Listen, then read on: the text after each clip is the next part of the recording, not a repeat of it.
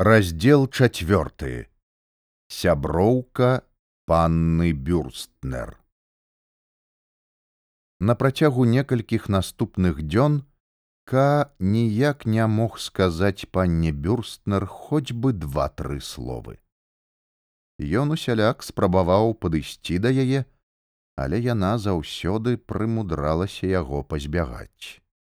Пасля службы ён адразу ішоў дадому сядаў у сваім пакоі на канапу не запальваючы святла нічым іншым не займаўся толькі сачыў ці не з'явіцца хто-небудзь у пярэднім пакоі.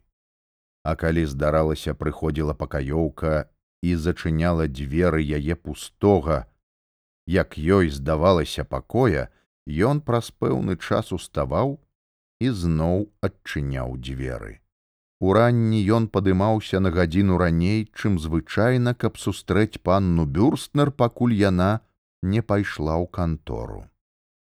Але ўсе яго спробы былі марныя. Тады ён напісаў ёй лісты і на адрас канторы і на хатні адрас, спрабуючы апраўдаць свае паводзіны.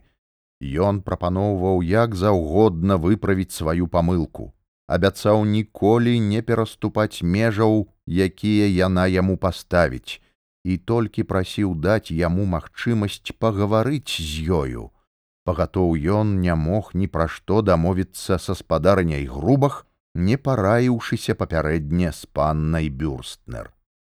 А ў канцы ліста ён паведамляў, што наступныя нядзелі ён будзе ўвесь дзень чакаць у сваім пакоі Няхай яна падасць хоць нейкі знак, што згодная выканаць яго просьбу аб спатканні або прынамсі растлумачыць яму, чаму гэтая просьба невыканальная, прычым ён абяцае цалкам падпарадкавацца яе патрабаванням. Лісты не вярнуліся, але і адказу не было. Аднак у наступную нядзелю яму быў пададзены знак. У гэтым не было ніякіх сумневаў. З самай раніцы каў бачыў цераз замочную шчыліну незвычайную мітусню ў пярэднім пакоі, прычына якой хутка высветлілася.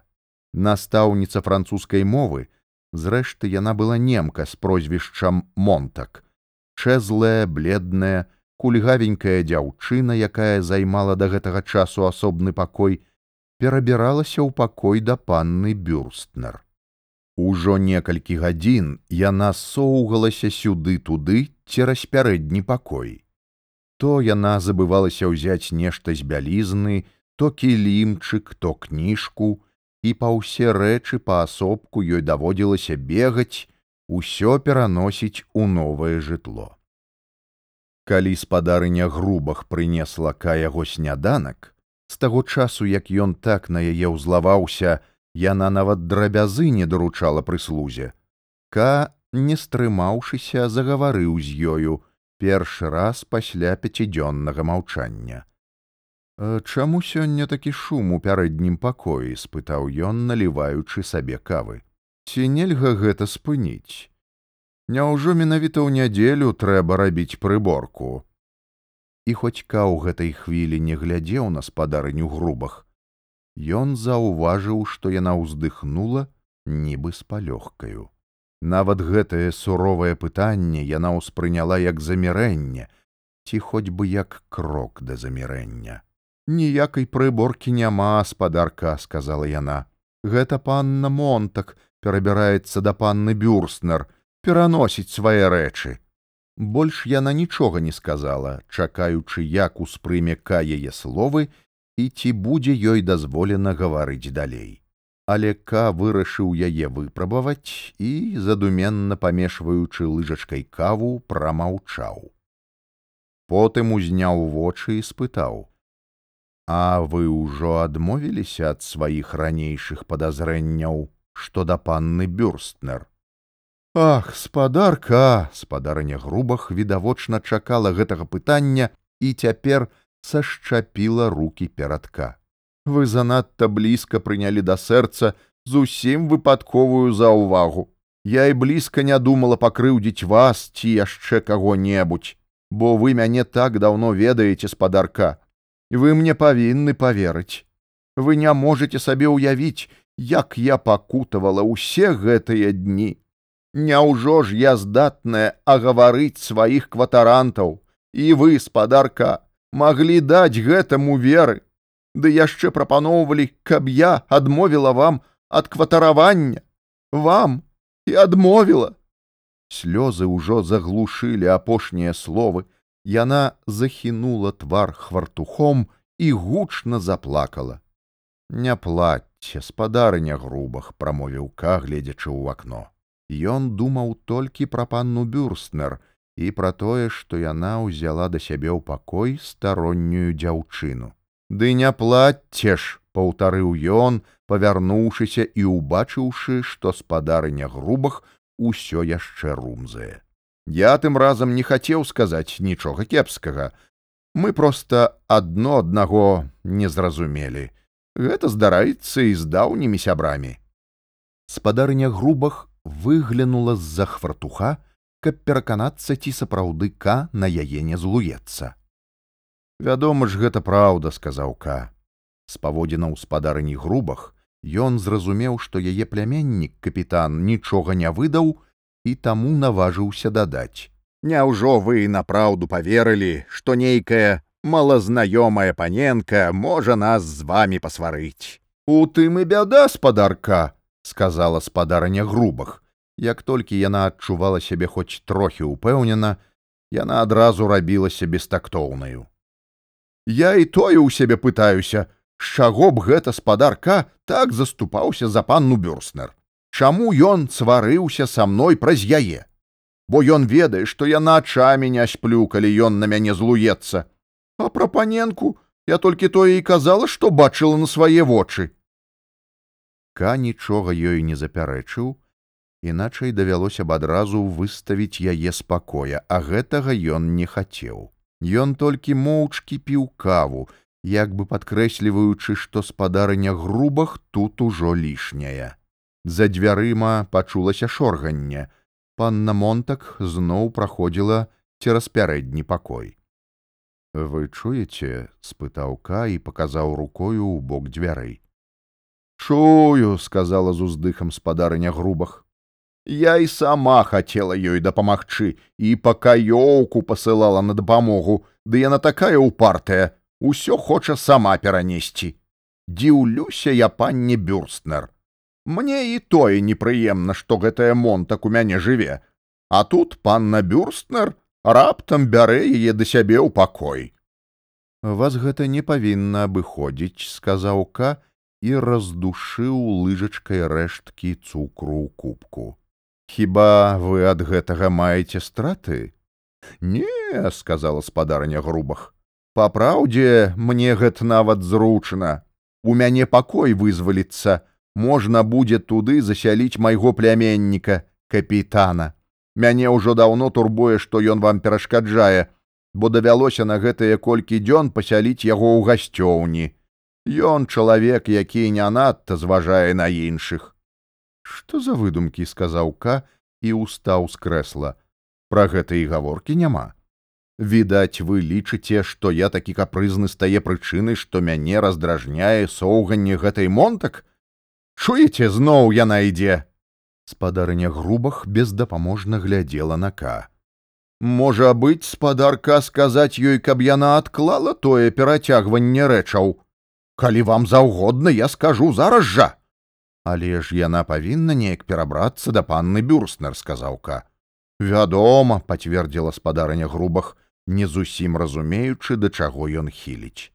Ну вось сказаў ка значыць ёй трэба перанесці рэчы спадарыня грубах толькі кіўнула. Гэтая нямая бездапаможнасць якая была так падобная да ўпартасці яшчэ больш раздражняла ка. Ён пачаў хадзіць у пакоі ад акна да дзвярэй, і праз гэта спадарня грубах ніяк не магла выйсці, хоць ёй толькі гэтага і хацелася. Ка падышоў да дзвярэй якраз у той момант, калі да яго пагрукаліся. Увайшла пакаёўка і далажыла, што панна Монтак хацела б сказаць гаспадарука, некалькі словаў і просіць яго прайсці ў сталовую, дзе яна чакае. Ка задуменна выслухаў пакаёўку, потым амаль што з насмешкаю зірнуў на спалоханую спадарню грубах. Гэты погляд, здавалася, сведчыў пра тое, што ён ка даўно прадбачыў запрашэнне панны монтак, што і гэта таксама адна з тых пакутаў, якія спадарыні грубах даводзіцца цярпець ад жыхароў нядзельнаю раніцай. Ён попрасіў пакаёўку перадаць, што зараз прыйдзе, падышоў да шафы, каб памяняць пінжак, і ў адказ на жаласныя ўсхліпванні спадарыні грубах на адрас назойлівай асобы толькі попрасіў яе прыбраць талерку са сняданкам. Ды вы ж амаль ні да чога не дакрануліся, сказала спадарыня грубах. Ах, ну прыбярыце ж хутчэй, выгукнуў ка. Яму здавалася, што і ежа неяк звязана з паннай монтак, і таму яна асабліва брыдкая. Праходзячы цераз пярэдні пакой, ён зірнуў на зачыненыя дзверы пакоя панны бюстнер. Але яго запрашалі не ў гэты пакой, а ў сталовую, і ён рэзка адчыніў туды дзверы, нават не пастукаўшыся. Гэта быў вельмі доўгі і вузкі пакой з адным адзіным акном. У ім толькі і знайшлося месца на дзве шафы, пастаўленыя вуглом каля дзвярэй. Усю астатнюю прастору займаў доўгі абедзенны стол. Ён пачынаўся каля дзвярэй і цягнуўся амаль да вялікага акна, да якога праз гэта цяжка было прайсці. На стол было ўжо сабрана з разлікам на шмат асоб, бо ў нядзелю мала што не ўсе жыхары абедалі тут. Калі каў увайшоў, панна монтак ад акна рушыла ўздоўж стала яму насустрач. Яны моўчкі павіталіся. Потым панна монтак, як заўсёды, ненатуральна закінуўшы галаву, сказала: « Не ведаю, ці вядома вам, хто я такая. Ка паглядзеў на яе, прыжмурыўшыся. Зразумела, вядома, сказаў ён. Вы ж даўно жывяце тут у спадарыні грубах. Але, як мне здаецца, вы мала цікавіцеся гэтым пансіёнам. Мала, пагадзіўся ка. Можа, вы прыселі б, спытала панна монтак. Абое моўчкі выцягнулі два крэслы і селі пры канцы стала адно насупраць аднаго. Але панна монтак тут жа ўстала, Яна забыла сумачку на падваконні і, шоркаючы нагамі, пайшла па яе цераз увесь пакой.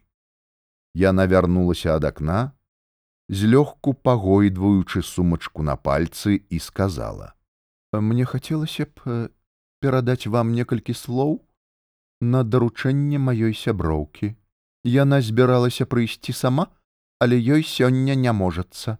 Яна прасіла прабачыць ёй, і выслухаць мяне замест яе. Зрэшты, яна ўсё адно не сказала б вам больш за тое, што скажу я. Наадварот, я думаю, што магу сказаць вам нават больш, бо я ў пэўным сэнсе бесстаронняя асоба. Вы са мною згодны? А што тут можна сказаць, адказаў ка. Яго раздражняла, што панна Монта кутаропілася на яго вусны. Яна нібы падпільноўвала тое, што ён толькі збіраўся сказаць. Відавочна, панна бюрстнер не зробіць ласку сустрэцца са мною дзеля асабістай размовы, пра што я яе прасіў. Гэта праўда, сказала панна монтак. Ці дакладней усё гэта зусім не так. Вы занадта рэзка ставіце пытанне. Наогул на такія размовы і згоды не даюць, і адмовы ў гэтым не бывае але здараецца, што размову проста лічаць непатрэбнаю і ў такім выпадку гэтак яно і ёсць. Цяпер пасля вашыя заўвагі я магу гаварыць шчыра. Вы прасілі маю сяброўку паразумецца з вами пісьмова або вусна. Але моя сяброўка, як я мяркую, выдатна ведае, пра што будзе размова, і з невядомых мне прычын яна ўпэўненая, што такое кантактаванне, а нікому карысці не прынясе. Наогул жа Яна мне распавяла пра гэта толькі учора, і тое зусім між іншым, прычым патлумачыла, што і для вас гэтая размова зусім не мае значэння, бо вы толькі выпадкова падхапілі гэтую думку і самі зразумееце, а мажліва, ўжо і зразумелі без асаблівых тлумачэнняў усю недарэчнасць сваёй задумы. Я ёй адказала, што напэўна ўсё гэта так і ёсць, але дзеля поўнай яснасці я лічу небескарысным даць вам вычарпальны адказ. Я падахвоцілася перадаць яе адказ і пасля пэўных ваганняў моя сяброўка пагадзілася. Спадзяюся, што я дзейнічала і вам на карысць, бо ўсякая невядомасць, нават у самай дробязнай справе заўсёды пакутлівая, і калі яе можна, як у гэтым выпадку лёгка прыбраць, дык трэба гэта зрабіць, не марудзячы. Дзякуй вам, тут жа сказаў К, павольна ўстаў, паглядзеў на панну Монтак, потым на стол, потым у акно, Дом насупраць быў азораны сонцам і пайшоў да дзвярэй. Панна Монтак пайшла была за ім следам, нібы не зусім яму давяраючы. Але каля выхаду ім абаім давялося адступіць. Дзверы расчыніліся і ўвайшоў капітан Ланц. Ка ўпершыню убачыў яго зблізку. Гэта быў высокі мужчына гадоў каля сарака з загарэлым ажно з бранзавелым мясістым тварам. Ён зрабіў лёгкі паклон, які быў звернуты дака. Потым падышоў да панны монтак і падцціва пацалаваў яе ў ручку. Рухаўся ён вельмі лёгка і спрытна. Яго ветлівае абыходжанне з паннай монтак рэзка кантраставала з тым, як з ёю абыходзіўся самка. Але панна монтак, здаецца, зусім не крыўдавала нака. Яна, як той заўважыў, нават збіралася пазнаёміць яго з капітанам. Аднак каз усім не хацеў, каб яго знаёмілі з кім заўгодна. Ён усё адно не здолеў бы прымусіць сябе быць ветлівым ані з панную монтак, ані з капітанам, а тое, што капітан пацалаваў яе ў ручку, адразу зрабіла іх у вачах кахаўруснікамі, якія, прыкідваючыся ў вышэйшай ступені бяскрыўднымі і незацікаўленымі перашкаджаюць яму сустрэцца з паннай бюстнер. Прытым калічыў, што ён не толькі гэта зразумеў. Ён зразумеў таксама, што панна Монтак абрала нядрэнны, хоць і рызыкоўны спосаб. Яна перабольшвала значнасць тых узаемаадносінаў, што ўсталяваліся паміжка і паннай бюрстнер, а галоўнае, яна перабольшвала значэнне тае размовы, якой дамагаўся К, і пры гэтым імкнулася гэтак павярнуць справу, што выходзіла нібыта сам К надае ўсяму гэтаму занадта вялікае значэнне. Якраз тут яна і памылялася. Ка зусім не хацеў анічога перабольшваць. Ён выдатна ведаў, што панна Бюрстнер проста непрыкметная машыністка, якая не здолее доўга супраціўляцца яму. Пры гэтым ён знарок не прымаў да ўвагі тое, што ён даведаўся пра панну Бюрстнер ад гаспадыні. Усё гэта ўсплыло ў яго на хвілю ў галаве, калі ён выходзіў са сталовай, зрабіўшы нядбайны паклон. Ён хацеў адразу прайсці да сябе ў пакой, але тут у сталовай за яго спінаю пачуўся посмех панны монтак, і ў яго мільганула думка, што можа быць, яму ўдасца здзівіць і капітана і панну монтак. Ён агледзеўся, пасля прыслухаўся, ці не перашкодзіць яму хто-небудзь з суседніх пакояў, але ўсюды было ціха, чулася толькі размова са сталовай, а яшчэ з калідора, што вёў на кухню, быў чуцён голас спадарыні грубах. Сітуацыя падалася ка спрыяльнай, і, падышоўшы да дзвярэй панны бюрстнер, ён ціха пастукаўся, але адказу не было. Ён пастукаўся яшчэ раз, і зноў яму не адказалі. Няўжо яна спіць, А можа, ёй і сапраўды не можацца? Ці яна наўмысна не адчыняе, ведаючы, што толькі К можа стукаць так ціха. К вырашыў, што яна знарок хаваецца і пастукаў мацней, а калі на стук ніхто не абазваўся, Ка, адчуваючы, што робіць не толькі кепска, але і зусім недарэчна, асцярожна прачыніў дзверы. У пакоі нікога не было. Ды пры гэтым нішто і не нагадвала знаёмы пакой. Каля сцяны стаялі побач два ложкі. Усе тры крэслы каля дзвярэй былі закладзеныя бялізнай і сукенкамі, шафа была разнасцежаная. Відавочна, панна бюрстнер сышла, пакуль панна монтак намаўляла спадарака.